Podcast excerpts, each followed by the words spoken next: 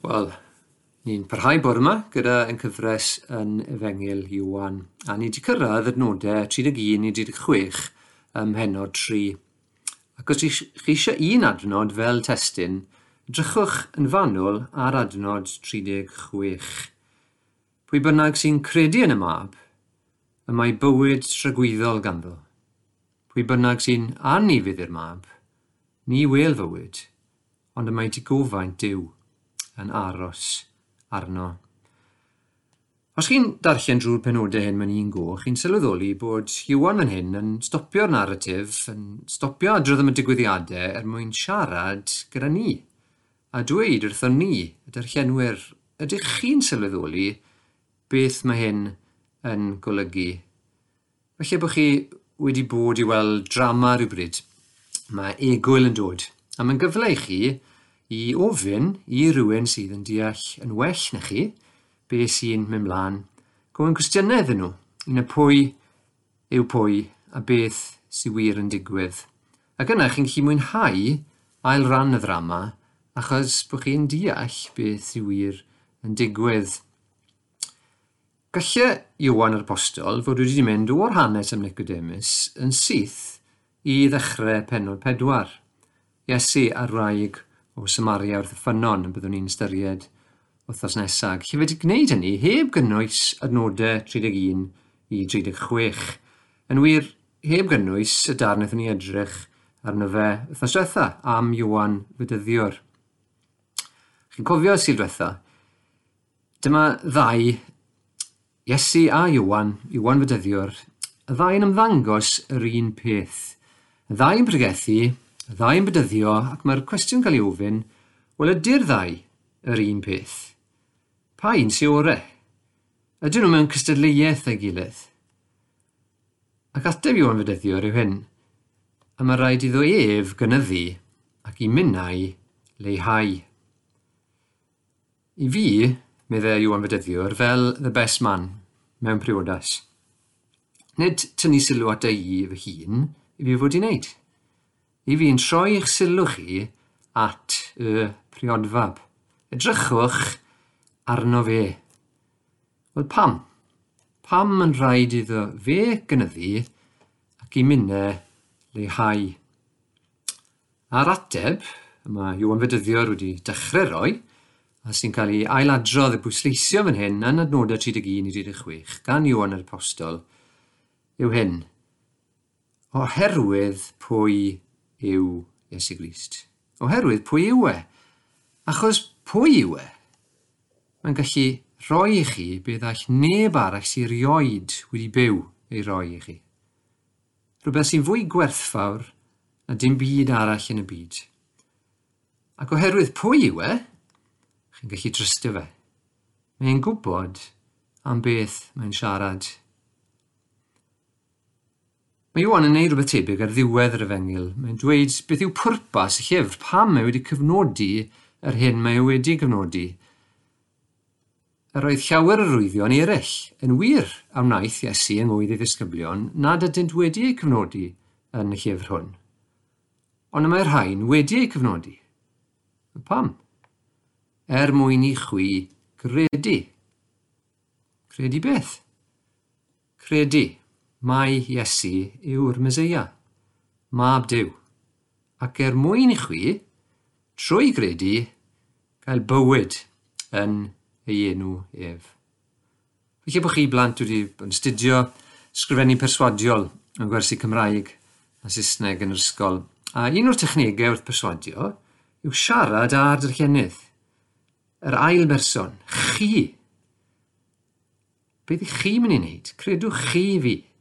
A dyna beth mae Iwan yn gwneud fan hyn. Sut i chi yn mynd i ymateb i hyn? Ydych chi weithiau wedi gwrando'r bregaeth, gadael y capel yn meddwl, wel, oedd hwnna'n ddiddorol? Peidiwch darllen y fengil Iwan gan feddwl, mae hyn yn ddiddorol? Achos nid bod yn ddiddorol yw'r pwrpas, ond herio ni i ymateb, i gredu. Nes mlaen, yn yr efengil mae Iwan yn dweud hyn. Wedi iddynt i glywed, meddai llawer o'i ddisgyblion, geiriau caled yw'r rhain. Pwy all rando arnynt? Gwydda Iesu yn ddwy hun fod ei ddisgyblion yn, yn grwgnach yn yw'n cwyno am ei eiriau ac meddai wrthynt. A yw hyn yn peri tramgwydd i chi? Yn yw ydy'r geiriau yma'n offensif? O'r amser hwnnw trodd llawer o ddisgyblion yn ei holau a pheidio mwyach yn mynd o gwmpas gyda gef. Hynny yw, nid geiriau caled yn yr ystyr bod nhw'n neud y cymleth, sa'n deall. Na, na, mae'r neges yn syml, ond mae rhaid ymateb. Does dim ystyr y ffens. Y ddau opsiwn yw credu neu wrthod credu. Credu yn y mab neu bod yn anifydd i'r mab. Ac mae canlyniadau i gredu ac mae canlyniadau i wrthod credu. Adnod 36 eto. Pwy bynnag sy'n credu yn y mab, y mae bywyd trygwyddol ganddo. Pwy bynnag sy'n anu fydd i'r mab, ni wel fywyd, ond y mae digofaint diw yn aros arno. Mae'r nod yma yn ddigon tebyg i beth oedd Aled yn pregethu arno yn bethefnos yn ôl. Iwan 3, 16 Carodd Dyw byd gymaint nes iddo roi ei unig fab, er mwyn i bob un sy'n credu ynddo fe beidio a mynd i ddistryw, ond cael bywyd trygwyddol. Mae'n ail adrodd y geiriau hyn o hyd ac o hyd, drosodd a throsodd, bywyd trygwyddol credu. Felly, sy'n syndod, mae dau bwynt sydd gyda fi bore yma. Yn gyntaf, bywyd trygwyddol, a beth yw ystyr y geiriau hynny. Ac yn ail, credu yn y mab. Pam dylwn ni gredu Iesu Grist a chredu yn Iesu Grist? Neu mewn ffordd arall, y ddau bwynt, y broblem bod bywyd ddim yn drygwyddol a'r ateb. Yn gyntaf, bywyd. Ni'n byw mewn cyfnod lle, i raddau gwahanol i ni gyd felly mae'r pause button wedi cael ei wasgu. Nid fod bywyd yn llai prysur o bosib, ond mae'r gweithgareddau arferol, plant yn mynd i'r ysgol, myfyrwyr yn mynd i'r coleg, rhaid fwyaf bobl yn teithio'r gwaith bob dydd, pobl yn mynd i glybiau, neu weithgareddau gyda'r nos, fwyta mas, cinema, gym, beth bynnag yw e, mae'r cyfan wedi dod i ben dros dro, wedi ohirio. A falle bod chi'n cael eich hun wedi cael eich hun sawl gwaith yn stopio yn ystod y cyfnod yma ac yn meddwl yn fwy difrifol yn fywyd. Be fi'n neud gyda mywyd?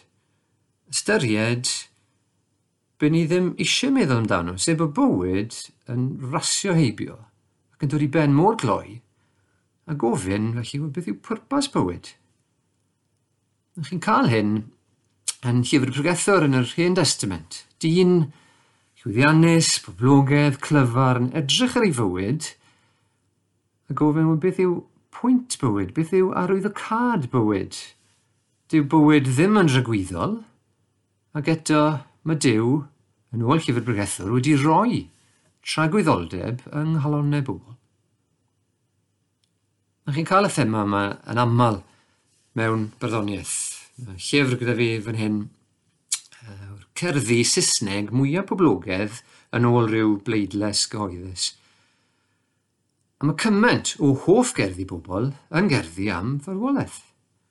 A weithiau mae yna rhyw obaith bod rhywbeth tu hwnt i farwolaeth, ond yn aml iawn be gewch chi yw ymateb onest y beirdd yma sy'n dehongli bywyd fel rhywbeth dyn o di-bwrpas, signifying nothing. Yn Gymraeg mae yna gerddi enwog. Felly bod rhai llinellau ohonyn nhw'n dod i feddwl rai ohonoch chi nawr. Yn dweud mewn ffordd mor gofiadwy. Nad yw'n bywyd ni, ond rhyw blip. A sy'n ots be ni wedi profi neu gyflawni, ni'n ddim byd yn y pen draw, ond cnawd ac esgyrn, a bydd pawb wedi anghofio amdano ni. Ni chofir amdanynt gan y rai fydd yn ei dilyn yn fy llyfr y Bregethwr. Ac yn aml iawn, mewn cerddi sy'n yn dathlu bywyd, er enghraifft yn trafod rhyw, rhyw brofiad neu rhyfeddiad fyd natur, ergyd y gerdd yn aml yw pan mae rhaid i'r peth o'r i ben. Mae'r gwanwyn, yr haf yn troi'n eiaf, ac yn yr un ffordd mae ieuenctid yn troi'n henaint. Felly bod rhai o'n chi'n cofio yn yr ysgol, fel mae milodd o Gymru Cymraeg wedi wneud, astudio'r gerdd Delyth fy Merch, yn ddeunaw oed, sy'n gerdd nid yn gymaint am ferch yn troi'n ddeunaw oed, ond yn dad yn rhyfeddu. Ble mae'r blynyddoedd wedi mynd? Ble mae fywyd e wedi diflannu? Un gerdd arall, cerdd, cerdd arall sy'n cael ei studio mewn sgolion Cymraeg yw Croesi Traeth. Eto, profiad tad, ond ar ei ben blwydd e tro yma, mwynhau diwrnod ar y traeth gyda deulu a mae'n creu rhyw lun bron fel rhyw ffotograff o'r diwrnod, yna mae'n taro fe yn ganol y prysurdeb yma. Mae'n taro fe yn chaiff e'r diwrnod byth nôl. Bod yr eiliadau yn dian go iafel e, a'r profiad yn y presennol yn troi yn atgof yn gorffennol. Ac mae tristwch yn hynny. Felly bod chi'n meddwl bod hyn bach yn, yn drwm, bach yn, athronyddol ond beth yw'r pwynt meddwl fel hyn? Ac mae'n wir, does dim pwynt meddwl o hyd fel hyn am amser, am fynd yn hen. Mae'n bwysig mwynhau a gwerthfawrogi bywyd. Ond fel mae llyfr Bregethwr yn dweud, mae angen meddwl o ddifri weithiau am fywyd a marwolaeth. Nid byw fel beth ni'n mynd i fyw am byth. Marw yw tynged pawb, a dyle'r byw ystyried hyn, meddwl llyfr Bregethwr. Ac mae yna adegau mewn bywyd lle ni'n cael yn gorfodi i feddwl am y peth.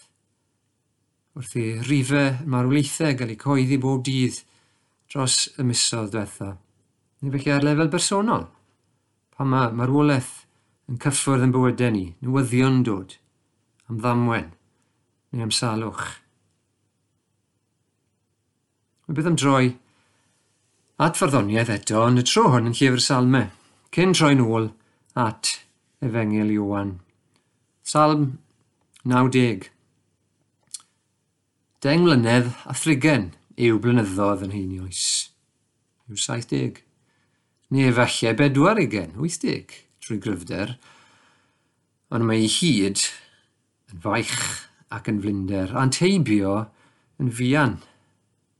Ie, yr un thema eto, ond mae'r salm yn mynd ymhellach. Mae'n dweud pam? yr wyt yn troi pobl yn ôl i'r hiwch ac yn dweud trowch yn ôl chwif ei drolion. Oherwydd yr ydy, ydym ni yn darfod gan dy ddig. Gosodest ein camweddau, ein pchodau, oth flaen. Beda'r er gwaith yn y salm yma, y salm yma am amser. Beda'r er gwaith mae'n sôn am ddigofaint. Yr un gair sy gyda ni yn yr adnod dan sylw heddi. Pwy bynnag sy'n anifydd i'r mab, ni wel fywyd, ond mae digofaint diw yn aros arno. Trwy'r Beibl, yn yr Hen Testament ac yn y Testament Newydd, yn yr Efengylau, yn y Llythyron, allwch chi ddim gwahanu'r tri gair yma. Pechod, digofaint a marwolaeth. Esboniad mwy eglur o beth yw neges Gristnogaeth yw llythyr Paul Trefeiniad, sy'n dechrau gyda digofaint yw. Ac yna mewn mlaen, ein dadl yw hyn. Daeth pechod i'r byd trwy un dyn, adda. A thrwy bechod, farwolaeth. Ac yn y modd hwn ymledodd marwolaeth i'r ddynolryw i gyd yn gymaint ac i bawb bechu y mae pechod yn talu cyflog. Mae canlyniadau, sef marwolaeth. Ond, rhoi yn rhad y mae diw, rhoi bywyd trygwyddol yng Nghyst Iesu ein harglwydd.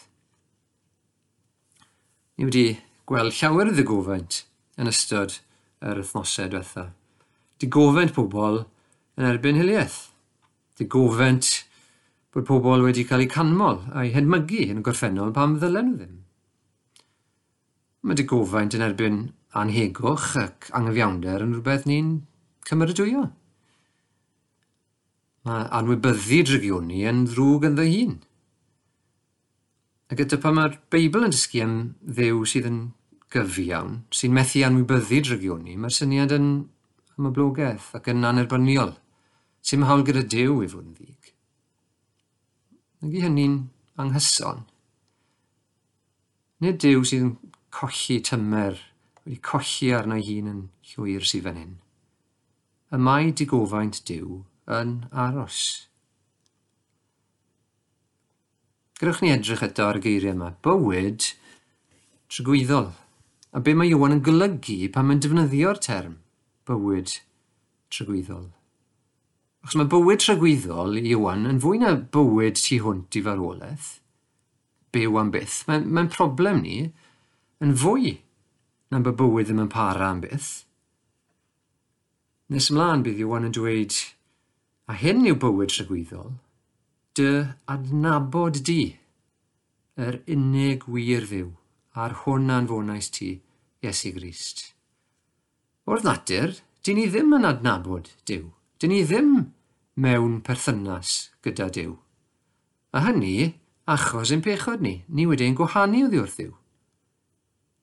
A tra byddwn ni'n anifedd i'r gorchymyn yma i gredu yn y mab, bydd y gwahanu hynny yn parhau, ac yn parhau yn byth.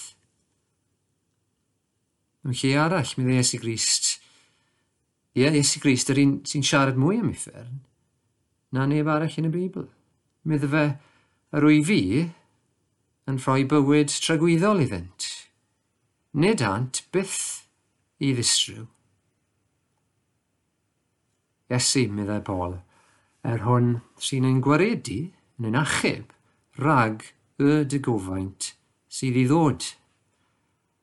Dyma'r broblem. Rydyn ni wrth natur yn anifedd i ddiw.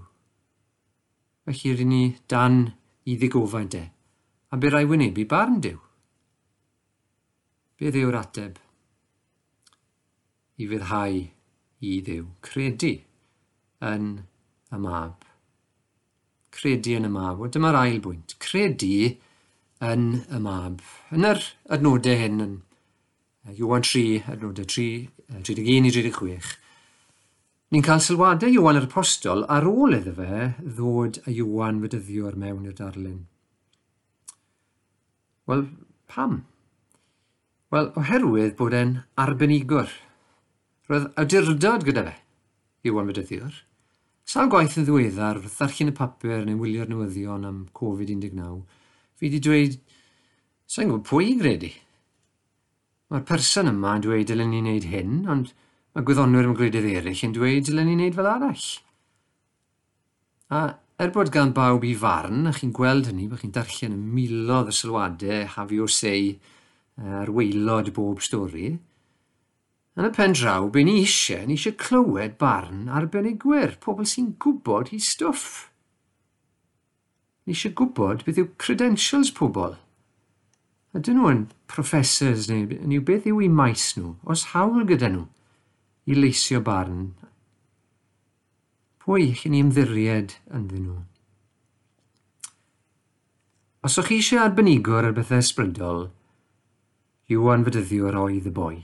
Iwan Fydyddiwr oedd y top Trump yn y cerdau. Roedd e'n gwybod perswadio pobl nad fe oedd y Meseia. A ni'n gwybod beth mae Iesu Grist yn dweud amdano fe. Y mwyaf gath ei eni erioed. Ond ni wedi gweld beth mae e'n neud. Beth mae e'n neud yw pwyntio at Iesu Grist. Mae'n dweud am Iesu, mae'r arglwydd Iesu, mae e ar lefel arall. Mae e ar ei ben ei hun. Mae e goruwch pawb. Adnod 31, mi dde Iwan yr Apostol, a mae hwn sydd o'r ddeiar yn ddeiarol ei anian. Hynny yw, mae Iwan fedyddiwr a pawb arall yn freidrol. Mae Iwan fedyddiwr yn gallu galw pobl i edifarhau, ond ni'n gwybod bod angen mwy na hynny. Mae Iwan yr apostol fan hyn yn cynhoi them, themau'r benod. Chi'n cofio geiriau Iesu wrth Nicodemus yn adnod tri yn y benod yma. O'n i chaiff rhywun ei eni o'r newydd neu ei eni o ddiichod. Bywyd newydd. Mae'n dod o ddichod. Heblaw hynny, ni chaiff weld teirnas ddiw. A Iesu yw yr un sydd wedi dod, sy'n dod o ddi uchod, o'r nef. Nes mlaen yn y benod, nid oes neb wedi esgyn i'r nef, ond yr un a ddisgynnodd o'r nef.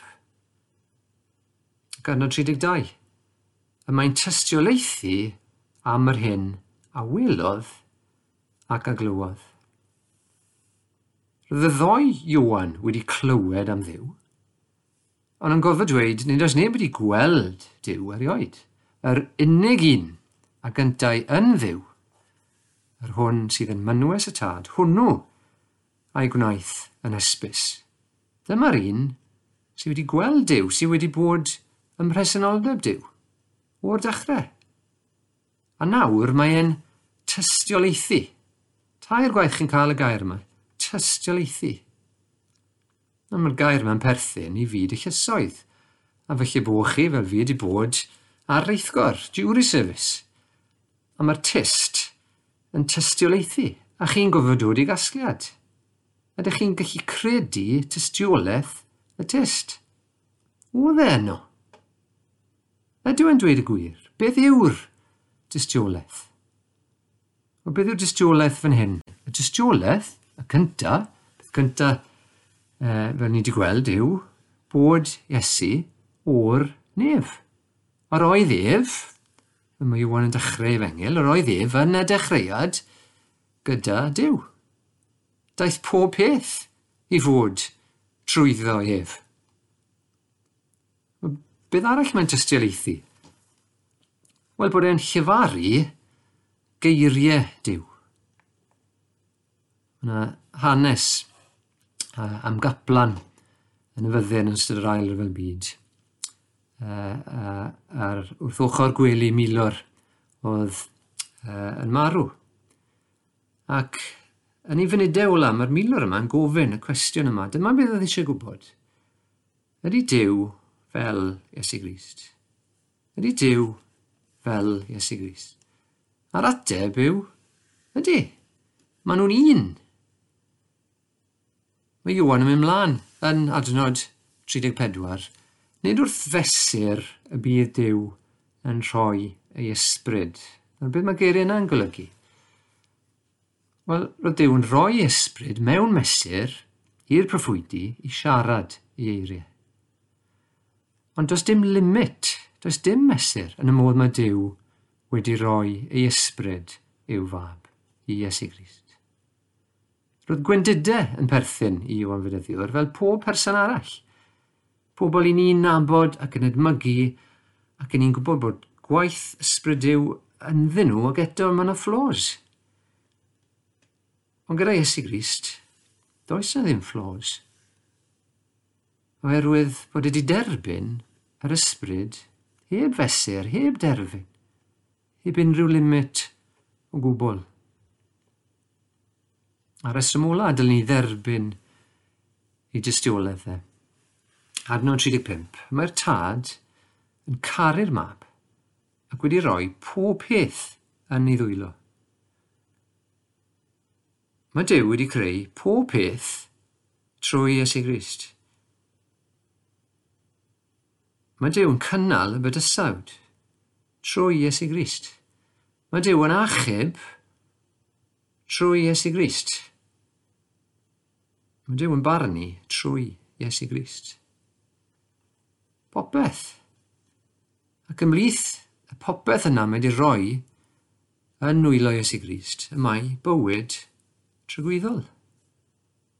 Mae'n rhoi bywyd trygwyddol trwy Iesu Grist. Nid trwy weithredoedd da, nid trwy ddarllen y Beibl, nid trwy'r eglwys, nid trwy unrhyw ffordd arall, ond trwy Iesu Grist. Felly does dim gobeith am fywyd rhagwyddol, heb ddod at yr un sydd yn rhagwyddol, yr un mae Dew wedi rhoi popeth yn ei ddwylo, dod at y fe a chredu ynddo fe.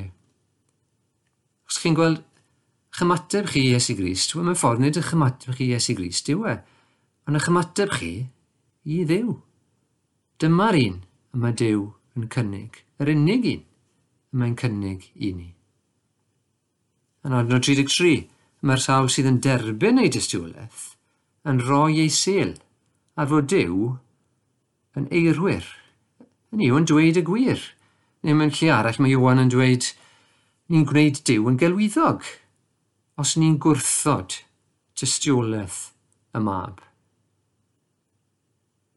Nid oes neb yn derbyn ei dystiolaeth, meddai Iwan. a Mae'n gorddweud fyna wrth gwrs, ond i lawer, Roedd rhain yn eiriau anodd, fel ni'n gweud ar y dechrau. Ydy rhain yn eiriau anodd i chi? Ys i droi at benod chwech ar y dechrau, a mae'r darn yna yn, yn parhau. O'r amser hwn, trodd llawer o'i ddisgyblion yn ei holau, a ffeidio mwyach a mynd o gwmpas gyda gef. Yn y gofynnodd Iesu i'r deuddeg, a di chwythau hefyd efallai am fy ngadael? Tebodd Simon Pedr ef, arglwydd, at bwy yr awn i. Mae geiriau bywyd tragwyddol gen i ti. A gyda ni wedi dod i gredu a gwybod mae ti yw sanct Dyw. Pwy bynnag sy'n credu yn yma, Y mae bywyd trygwyddol ganddo nawr. Pwy bynnag sy'n anu fydd yr mab, ni wel fywyd, ond y mae digofaint diw yn aros arno. Wel, gadewch i ni droi i ganu emyn i orffen. A'r emyn rhyw, rhyw 279. Hyfryd, eiriau'r Iesu. Bywyd ynddynt sydd. Digon byth i'n harwain, i dragwyddol ddydd. Maent o hyd yn newydd, maent yn llawn o'r nef, sicrach na'r mynyddoedd yw ei eiriau ef. Newid mae gwybodaeth a disgeidiaeth dyn, aros mae efengel Iesu, byth yr un. Athro ac arweinydd yw e fe ym mhob oes, a tha peri'r ddeiar, peri golau'r groes. Wrth i'n wrando'r Iesu, haws adnabod Dyw, ac wrth gredu ynddo, mae'n felysach byw. Mae ei wenau tirion yn goleuo'r bydd ac yn ei wirionedd mae tragwyddol hedd. Thank you.